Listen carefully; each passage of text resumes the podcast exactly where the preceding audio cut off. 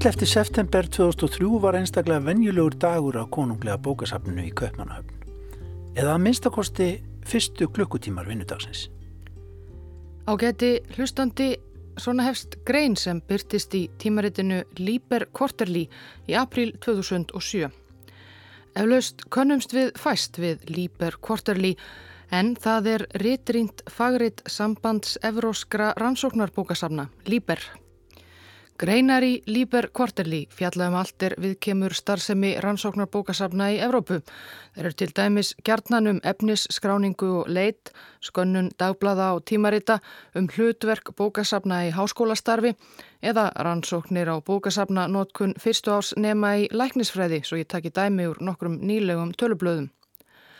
Fæstar byrja þær á jafn æsandi hátt og svo sem vitnað var í hérna rétt áðan og eftir því sem lengra er lesið verður súgrein, leifið mér að segja, sífælt ólíkari flestu því sem fyrir beri fagriti sambands evróskra rannsóknar bókasafna alla jafna. Því það sem gerðist á konunglega bókasafninu í Kaupmannahöfn þann 11. september 2003 var ekki bara ofennjulegt heldur sögulegt. Það sem fyldi var ávið æsispennandi glæpasögu sem lauk með lausn á áratuga gamalli ráðgátu.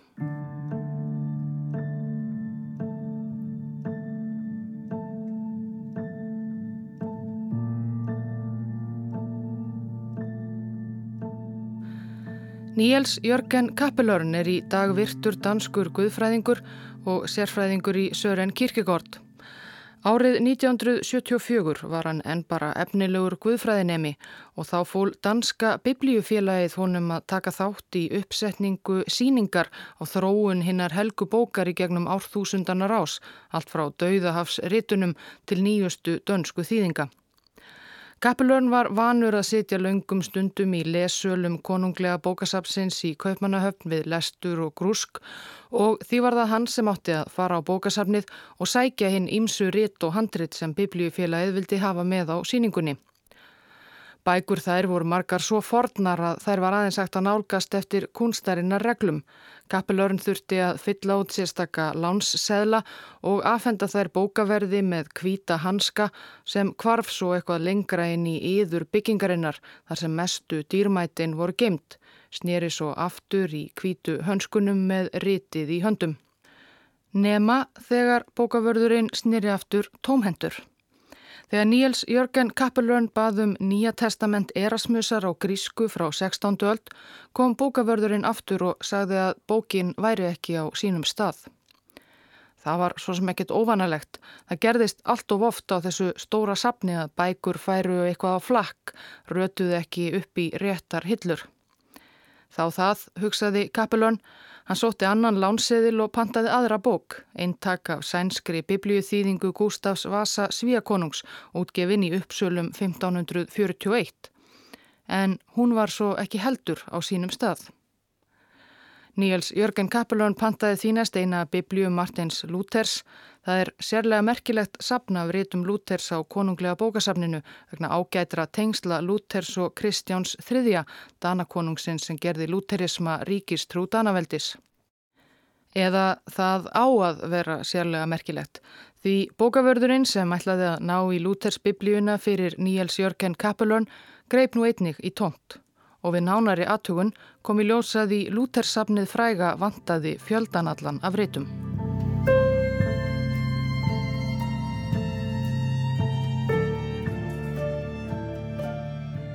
Konunglega bókasafnið sem Íslendingar kallastundum konungsbóklöðuna er þjóðarbókasafn Danmerkur. Eins og á þjóðarbóklöðinni Reykjavík er reynd að sapna flestu því sem gefiður út á prenti í Danmörku. Það er þó nær ómögulegt verk, svo mikið er það. En það er konunglega bókasafnið í Kaupmannahöfn, stærsta bókasafn Norðurlanda og jafnvel með þeim stærstu í heimi. Og safnið geymir ekki bara nær allt danst prentverk aftur til ásins 1482, heldur er í safnkostinu mikill fjöldi dýrmætra fornirita á rýmsum áttum sem konungar Danmerkur sönguðu að sér á öldum áður. Þarna er bara sem dæmi áður nefnt sapn verka Lúthers, handrit frá landvinningum Spánverja í nýja heiminum, fágætar Gutenbergs biblíur og svo má líka nefna brefa og skjálasöfn Hási Andersens og Kirkegårds, mikið af handritum Karls Linni og svo mætti lengi telja. Slæðingur af íslenskum handritum líka auðvitað. Þessi saga gerist áður en konunglega bókasafnið flutti inn í nýbygginguna sem fer eflust ekki fram hjá mörgum þeim sem heimsækja kaupmannahöfn í dag, svarta demantinn svo nefnda á Slottshólma. Safnið var þá allt til húsa í byggingu sem svarti demandurinn skikkir á í dag en er engu síðri í glæsileika og sínum tíma kölluð Rauða lærdomshöllin. Hún var fullbyggð 1906 eftir að arkitektinn Hans Jörgen Holm hafði unnið að henni í næri þrjá áratugji. Lærdomshöllin var hugsuð fyrir um 700.000 bækur og ritt og 40 starfsmenn. En þegar komið var fram á miðjan 8. áratugin voru í sapninu um 2 miljónir ritta og starfsmennir tíu sinnum fleiri en lagt var upp með um 400. Það var því ansi þröngt.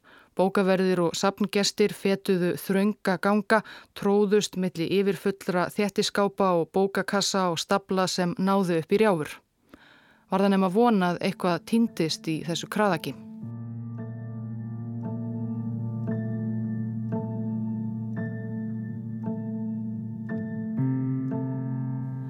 Þegar Fredi Möller Kristensen varð einn af þessum 400 starfsmönnum fyrsta vinnudaginn í rauðu lærdomshöllinni sem sérfræðingur 1. september 1967 var langtráður draumur hans að rætast.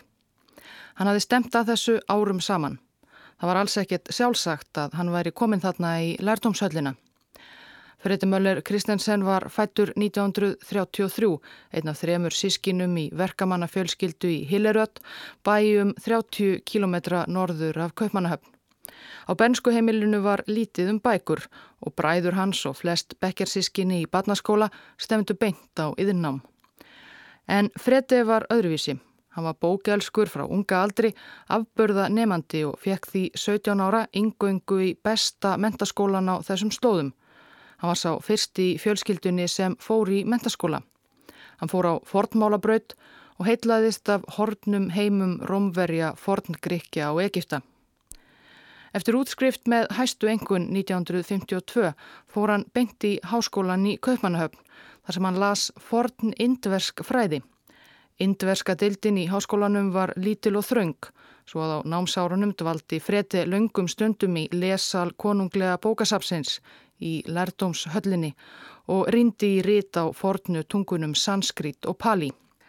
Þegar hann útskrifaðist eftir sex ára nám 1958 var hann fyrsti maðurinn með meistaraprófi forn indverskum fræðum í Danmörku í næri því öld.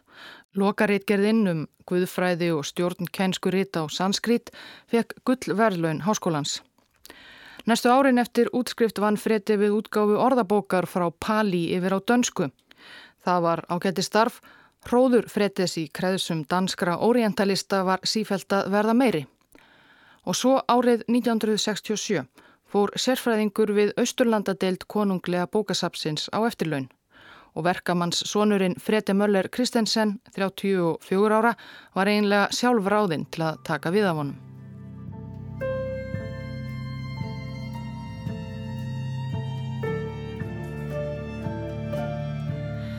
1974 aftur. Það var ekkert svo óvenjulegt að eina og aðra bók vantaði í hillunar. En svona margar eins og Guðfræðineminn Níels Jörgen Kappelörn hafi rekið sig á. Það var vissulega nokkuð óvenjulegt. Reyndar hafi verið pískrað um það í nokkur tíma á kaffistofu bókavarða að það vantaði grunnsamlega margar bækur í hillunar. En þrátt fyrir það og þrátt fyrir umkvartanir danska biblíufélagsins Biblíusögusýningin var öllu fátæklegri en fyrirhugað hafði verið, þá var ekkert aðgert fyrir um ári síðar. Það var 1975 sem einn bókavörður á konunglega safninu uppgötaði að ein af uppáhalds bókumanns, verk enska klerksins John Donne til Varnar sjálfsmorðum, útgefin 1644, bók sem hann dáðist reglulega að, hún var ekki á sínum stað þar sem hún hafi verið örfa um dögum áður og ekki var hún í útláni. Bókavörðurinn var þess fullvisum að eftirlætis bókinni hans hefði verið stólið. Næstu misserinn fóru yfirmenn á konunglega bókasafninu að taka tilkynningar um týndar bækur alvarlega. Áður en ára var liðið voru komnar 11 bækur á lista yfir mögulega stólinn ritt. Bækur sem voru samanlagt 2000 danskra króna virði. Og því betur sem leitað var í hillunum því verra varð útlitið. Þegar háskólastúdent var ráðinn til að fara í gegnum Lútersafnið allt kom í ljósað í það vantaði 259 ritt af 1605. Lútersafnið var ekki opið almenningi. Í þau ritt átti engin að komast á þess að ræða fyrst við starfsmann bókasafsins. Svo það leitt útfyrir að einhver staðar á þröngu göngunum innan um bókakassana og staplana gengi þjófur laus svikari meðal starfsmanna sapsins.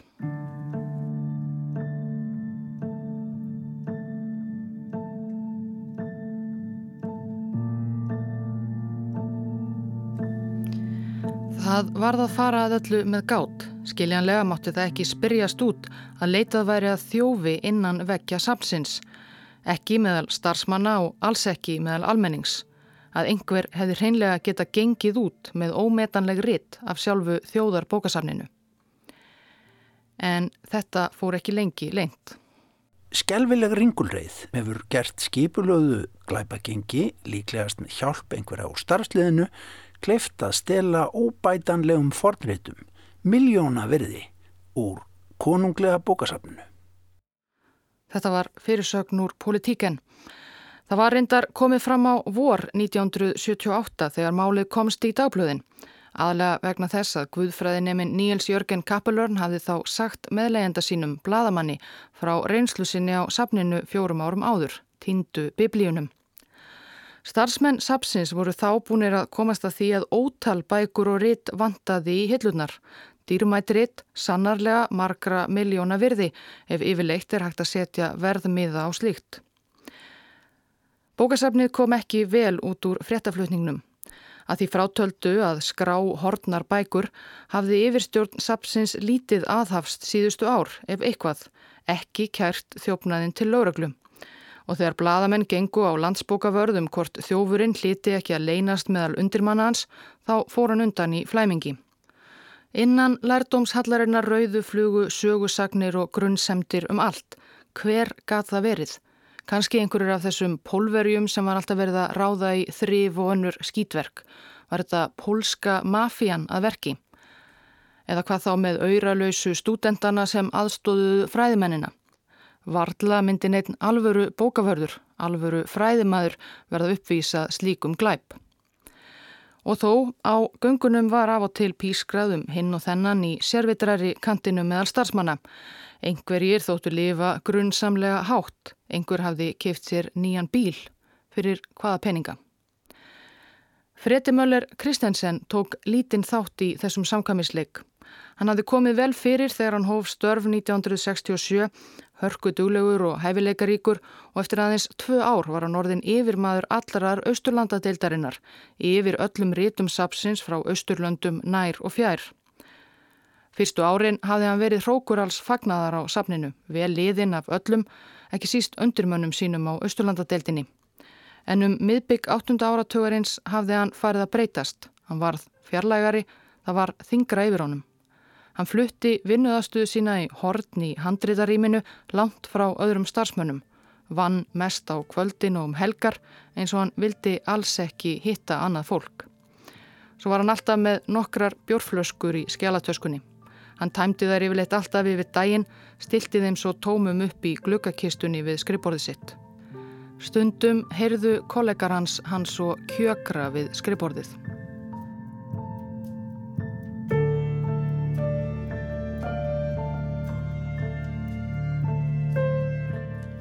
Ágæti hlustandi vikjum nú aftur að greininni úr fagriti samtaka Evróskra rannsóknarbókasafna sem hefst á venjulegum vinnudegi á konunglega safninu 11. september 2003.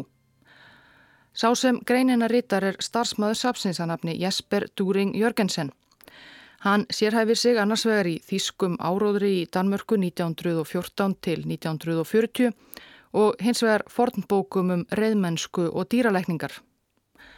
Þarna gengdi hann þó einnig hlutverki öryggisráðgjafa á safninu og það var þess vegna sem vinnuró hans á skrifstofunni í svarta demantinum var raskað 11. september 2003, eiginlega á slæginu 11 með símtali allarleið frá Lundunum.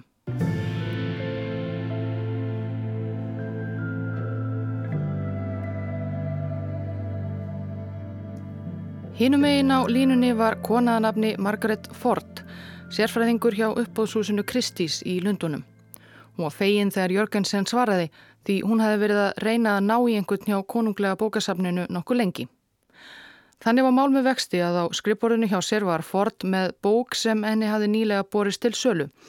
Propaladia, sapn verka eftir spænska leikskáldið Bartolomete Torres Naharro, fyrsta útgafa Napoli 1517.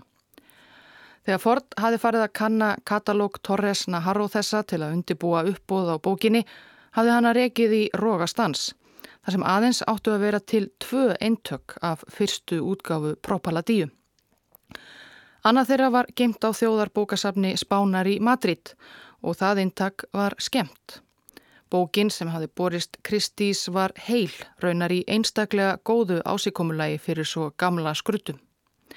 Eina heila eintakiða bókinni sem vitað var að tilværi, það var hins vegar geimt á þjóðarbókasafni Danmerkur í Kaupmannahöfn. Gata verið, hugsaði Margaret Ford þá, að í höndunum hefði hún áður óþægt eintak af Propaladíu eða var ekki danska eintakið öruglega á sínum stað.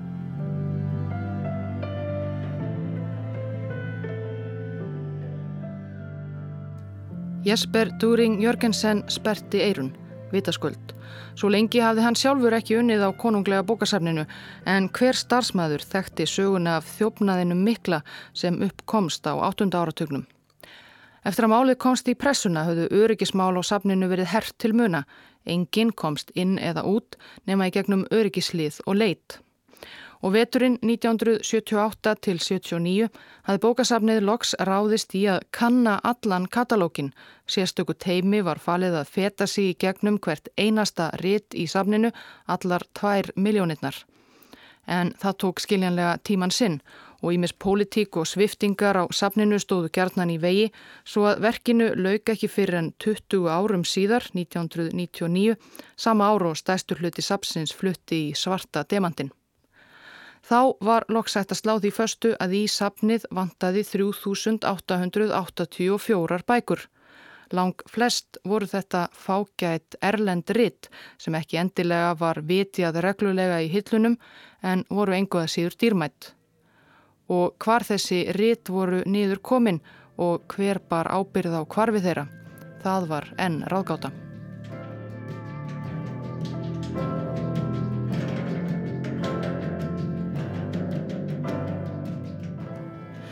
Árið 2003 gatt Jesper During Jörgensen auðveldlega leitað í skrái yfir stólnu rítin og séða jú fyrsta útgáfa Propaladíu Torresarna Harró frá 1517, eina heila eintakið í heiminum, var einn þeirra bóka sem hafði horfið á safninu á 8. áratugnum eða fyrr. Það uppgötaðist snemma. 28. februar 1979 hafði Propaladíu verið bætt á lista yfir hortnar bækur.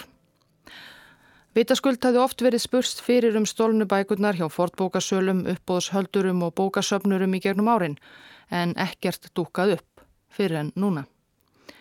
Jörgensen ringdi umsvefalaust í landsbókavörð Erland Kolding Nílsen en eins og Jörgensen lýsir í greinsinni í Lípur Korterli þá svaraði hann ekki. Það var ekki að undra, Nílsen var þá á Jótlandi á fundi um menningarstefnu danskra rannsóknarbókasafna. En loks í einni fyrirlestrar pásunni náði Jörgensen í gegn til yfirmannsins á Jótlandi sem deildi svo sannarlega áhuga Jörgensens á málinu. Hann skipaði Jörgensen að fara til Lunduna hið fyrsta.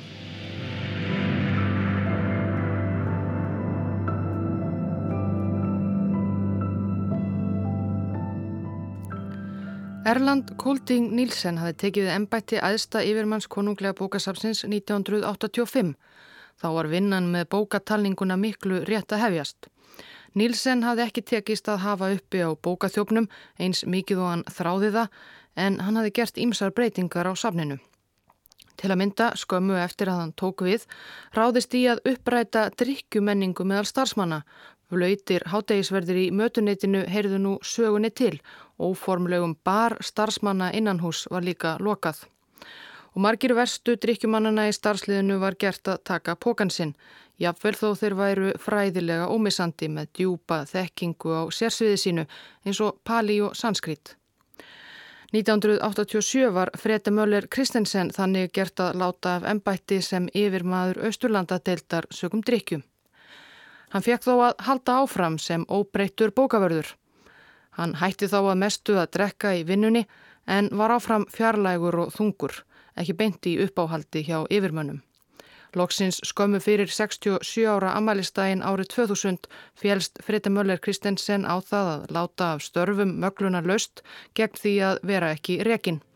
Eftir 33 ára starf hjá konunglega bókasafninu settist Friti Möller Kristensen í Helgan Stein.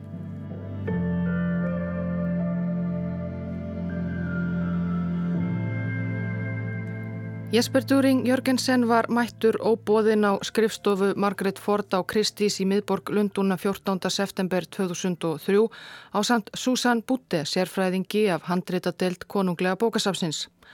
Ford gatt upplýstu um að própaladíjan umræta hafði verið ein 16 bóka sem sami einstaklingur sendi nýverið uppbóðshúsinu til sölu.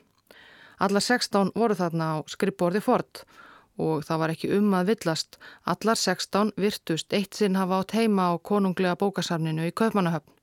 Einn bar greinilega fangamark Kristjáns sjöunda Danakonungs. Eitt rít eftir Martin Luther var stimplað með skjaldamerki Danaveldis og svo framvegis. Í efra vinstra horni á titilsíðu Própaladíunar mátti óljóst greina nokkra tölustafi. Það var eins og einhver hefði reyndað afmáð á en ekki tekist. 1636 stóð. Danirni tveir vissu vel hvað það þýtti. Í bókaskrá konunglega sapsins hafði Propaladían týnda verið skráði 16. bindi á síðu 36. 1636. Þau voru greinilega komin á slóð allræmdasta bókaþjófs danskrar sögu. Danirnir gengur nú fastað Margaret Ford. Hver hafði sendt þeim bækurnar? En uppbóðshaldari greinir ekki fara á slíku um kuna sína. Jáfnvel þó Margaret Ford hafi vitað vel þarna að þessar 16 bækur voru alls ekki fyrsta sendingin sem henni barst frá þessum ákveðina seljanda. Hann hafi verið henni mikilvægur kunni í 5 ár frá 1998. Hún hafi selt fyrir hann 32 bækur fyrir næri hálfa miljón stellingspunda.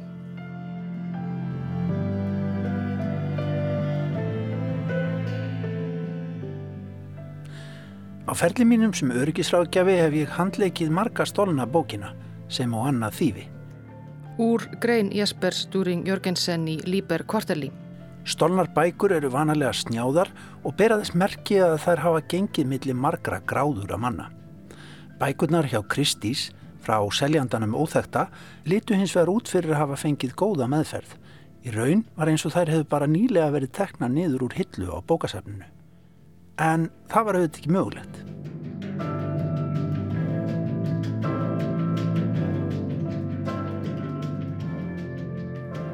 Danirnir sneru heim. Þar hafði bókasafnið samband við dönsku laurugluna sem fekk svo lista á fornmunadeild Lundúna lauruglunar Skotland Jart í lið með sér. Með dómsúrskurð á borðinu neittist Kristís til að gefa upplýsingar um kúnan og hvað hann hafi áður selt í gegnum uppáðshúsið. 32 bækur. Allt bækur sem konunglega bókasafnið saknaði. Fyrsta útgafa Utopíu Tómasar Mór frá 1516, Koparistur Píranesís frá Róm, Ljóðasafn Miltons frá 17. öld. Hver einu og einasta af þessum 32 hafði einu sinni átt heima á konunglega bókasafninu en voru nú komnar hingað og þangað um heiminn. Og svo nafnið á seljandanum. Silke Albrecht kona búsett í smábænum Lindenberg í Bæjaralandi í Þískalandi. Bækurnar hafði hún sendt í gegnum flutningsfyrirtæki í munn hérn og öll samskipti við Kristís farið fram brefleiðis eða í síma.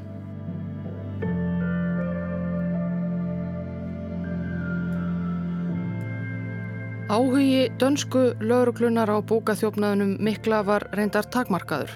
Glæpurinn var reynda löngu fyrndur. Lauruglumadurinn sem var settur í málið þurfti svo einmitt að sinna öðru brítna, vopnuðu ráni á póstús í vanlöse hverfi höfuborgarinnar. Svo bókaverðirnir þrýr, landsbókavörður Erland Kolding Nílsen, öryggisráðgjafin Jesper During Jörgensen og handritafræðingurinn Susan Butte Þau voru ennþau einu sem vissu af vendingunum í málinu og sátu nú uppi með þetta nafn í höndunum, Silke Albrekt. Þau ákváðu að slá nafninu upp í leitarvél á internetinu.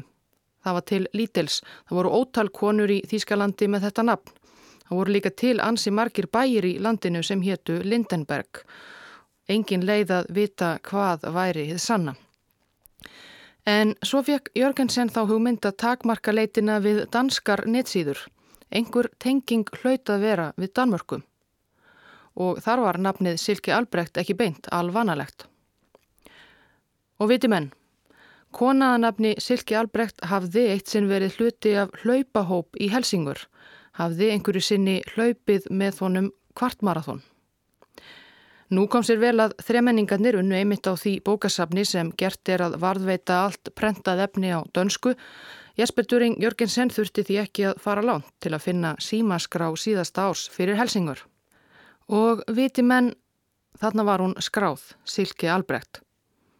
Kanski var þetta tilviljun. Varðla var þessi helsingörski kvartmarathonhlaupari jáframt allræmdasti bókaþjófur danskra sögu. En Silke Albrekt bjó ekki einn. Hún var skrátt til heimilis með manni. Madurinn hétt Tómas Möller Kristensen. Það var eitthvað kunnulegt við þetta nafn Möller Kristensen, hugsaði Jörgensen.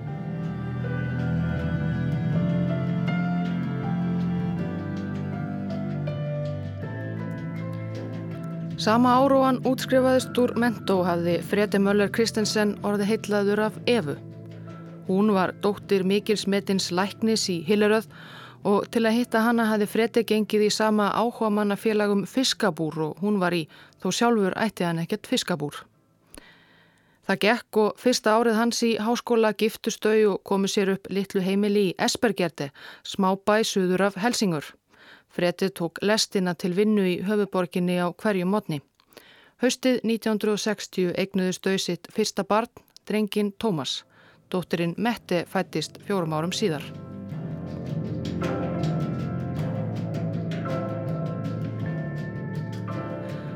Nílsen, landsbókavörður, trúði ekki sínum eigin eirum. Jörgensen hafi þá fengið að staðfesta á kaffistofu bókasapsins að Tómas Möller Kristensen, maður Silke Albrekt, hann var vissulega eins og hann grunaði svonur Frete Möller Kristensen, fyrverandi starfsmanns sapsins. Starfsmann sem Nílsen sjálfur hafði bólað úr ennbætti yfirmanns Östurlandadeildar sapsins á sínum fyrstu árum í ennbætti landsbókavarðar. Sem yfirmaður hafði Möller Kristensen, það mátti að neyga, tekið virkan þátt í bókatalningunni miklu á sínum tíma. Gata virkilega verið að hann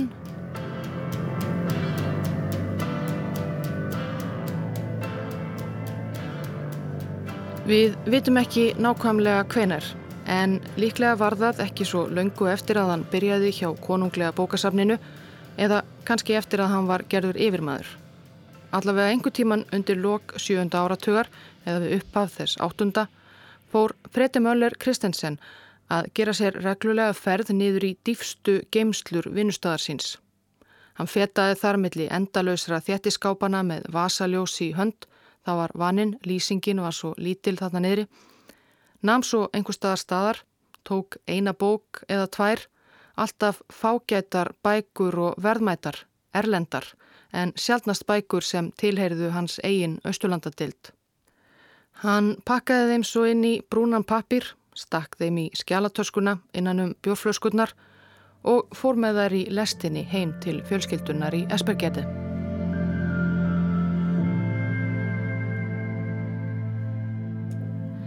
Heima í Espergeti ógs bókasafnið og ógs. Fredi setti stólnu bækurnar oftast einfallega upp í hillu í vinnuherbygginu hjá sér. Sumar faldi hann bak við aðrar bækur sem hann hafi keift sér heiðarlega. Aðrar blöstu við í hillunum. Hann fór vel með þær. Hann kunni það enda verandi fagmaður. Og hann bara sapnaði. Hann sapnaði ímsu, hann sapnaði líka frímerkjum, skriffærum, bókbandsverkfærum, þau komið sér vel, og skrújátnum og glerugum og jú, svo sapnaði hann bókum. Heima fyrir talaði Freyti sjaldan um vinnuna. Eva eiginkona hans skinjaði svo sem að hann var sífelt óánæðar í vinnunni sérstaklega eftir að Erland Kolding Nílsen tók við sem landsbókavörður og bannaði freti að drekka í vinnunni. En hann talaði aldrei um neitt ákveðið sem gerðist á vinnustanum einlega. Nefna einu sinni að hann að myndi síðar, það var þegar verið var að undirbúa fluttning einhverja íslenskra handrita úr konunglega safninu til stopnunar Árna Magnússonar í Reykjavík. Það fannst Freti Möller Kristinsen vera neysa að láta Íslendinga um svo dýrmætt verk og let fjölskyldu sína heyra það í laungu máli.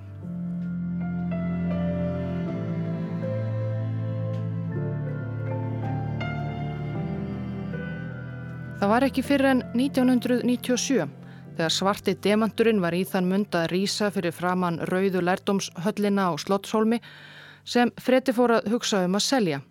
Selja eitthvað af safninu sem fylti orðið hillutnar í vinnuherberginu í Esbergerði. Hann hafði hægt að taka með sér bækur heim þegar öryggisreglur á safninu voru hertarum 1979 en á árunum á undan hafði honum tekist að koma sér upp all góðu safni, mörg þúsund bókum. En hvernig geti hann komið einhverju af þessu í verð án þess að vekja grunnsemdir? Það var snúið. Þar til síðsumardagan okkur 1997 að uppkominn elsti sonurinn Tómas kom heim í mat til foreldranna með nýja kærustu. Þau höfðu kynst á ferðalægi á Írlandi, Tómas og kærastan, sem var frá Bæjaralandi. Þau deildu áhuga á hlaupum meðal annars, hún hétt Silki Albrekt. Fredi og nýju tengdadótturinni kom vel saman og það var Silki því ekki tiltökumál að gera tengdapappa greiða.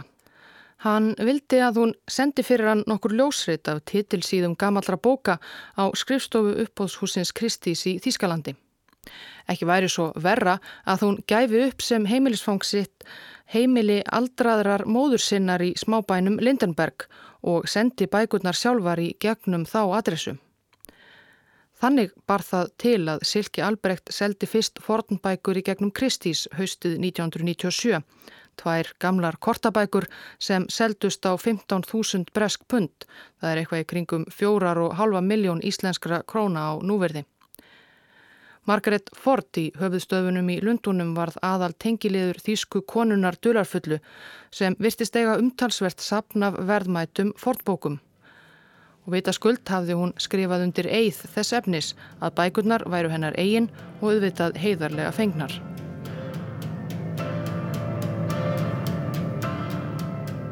Hvers vegna Freti Möller Kristensen byrjaði loksins að selja bækurnar sem hann hafði sankað að sér óheðarlega fyrir meira en 20 árum, það vitum við ekki. En næstu misseri og ár var stórbísnes hjá Kristís úr bókasafni Silke Albrekt. Í februarlokk 2003 dó tengdafæðirinnar Frette Möller Kristensen úr krabbameini 70 að aldri. En bækurnar heldu samt áfram að berast til Kristís í Lundunum, bækur eins og Propaladia Torresar Naharro.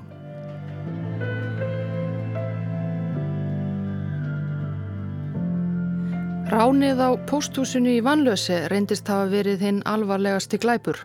Ræningarnir báru skotvopn og þau skotið og sært alvarlega einn starfsmann. Tveir kúpverskir gangsterar voru grunaður um glæpin. Lauruglumæðurinn sem Jesper During Jörgensen hafi verið í sambandi við hafði því ennum nóg að hugsa. Það var komið fram í november 2003 þegar bókaþjófnaðurinn komst loks aftur á dagskrá lauruglunar en þá var málið líka tekið föstum tökum.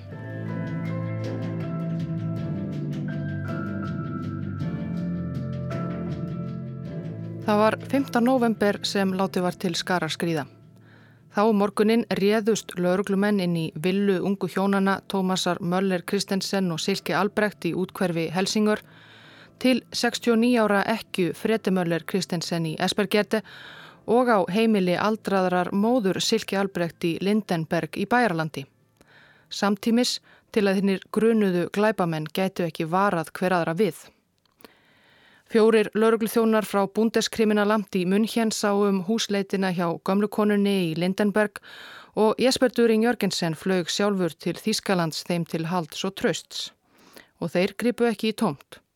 Heima hjá aldraðri móður Silki Albrecht í Lindenberg fundust fjórar fornbækur sem allar virtust vera úr konungsbókluðinni. Heima hjá Silki Albrecht og Tómas Möller Kristensen fundust fimm til viðbótar. Og heima hjá ekkjunni Efu Möller Kristensen fundust í yfirfullum skápum og kossum allt um íbúðina í kjallaranum í eldhúsinu undir hjónarúminu Hvorki meirinni minna en 1500 fágætar fortbækur sem allar höfðu eitt sinn átt heima á konunglega danska bókasafninu. Í eldhúsinu fundust líka úrkleipubækur með bladagreinum um allræmdasta og stórtækasta bókað þjóf Danmörkur og bókald sem ekkjan hafi greinlega haldið um stólnu bækurnar sölu þeirra á ágóðan. Því það kom fljótt í ljós að eftir dauða Fretis Möller Kristinsen höfðu aðstandendur hans haldið ótröðir áfram að gringa á bókasafninu. Höfðu raunar tekið virkan þátt eiginlega frá upphafi en það voru talsverðir peningar í spilinu.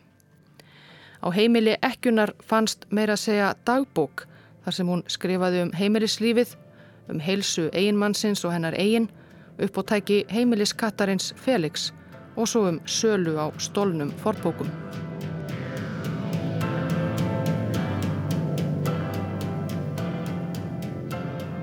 Freti Möller Kristensen hafði alla tíð eftir að hann var gerður yfirmaður á konunglega bókasafninu lifað ágætlega þægilegu lífi og frekar látlösu.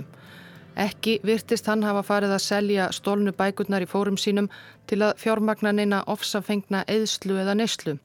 Hann endur nýjaði loftræstikerfið í húsinu í Esbergerdi, það var svona það helsta. Freti Möller Kristensen þurfti aldrei að svara til saka. Hann var látin þegar lögurglann bankaði upp á heima hjá konu hans síni og tengdadóttur. Hann kvílir í dag í ómertri gröf í kirkjugarðinum í Espergerdi, allræmdasti bókaþjófur danskra sögu. Í mæ 2004 voru þau öll þrjúdæmdi í fangelsi. Ekkjan Eva Möller Kristensen, 69 ára, var dæmdi í 20 ára fangelsi, sonurinn Tómas í 30 ára fangelsi og tengdadótturinn Silki Albrecht í eins og hálsásfangelsi. En í dag hefur konunglega bókasafnið í Kaupmannhöfn aðeins fengið hluta bókana sem Freti Möller Kristinsen stál tilbaka eða um 1600 af hátt í 4000. Hvar hinnar eru niðurkomnar, það veit enginn.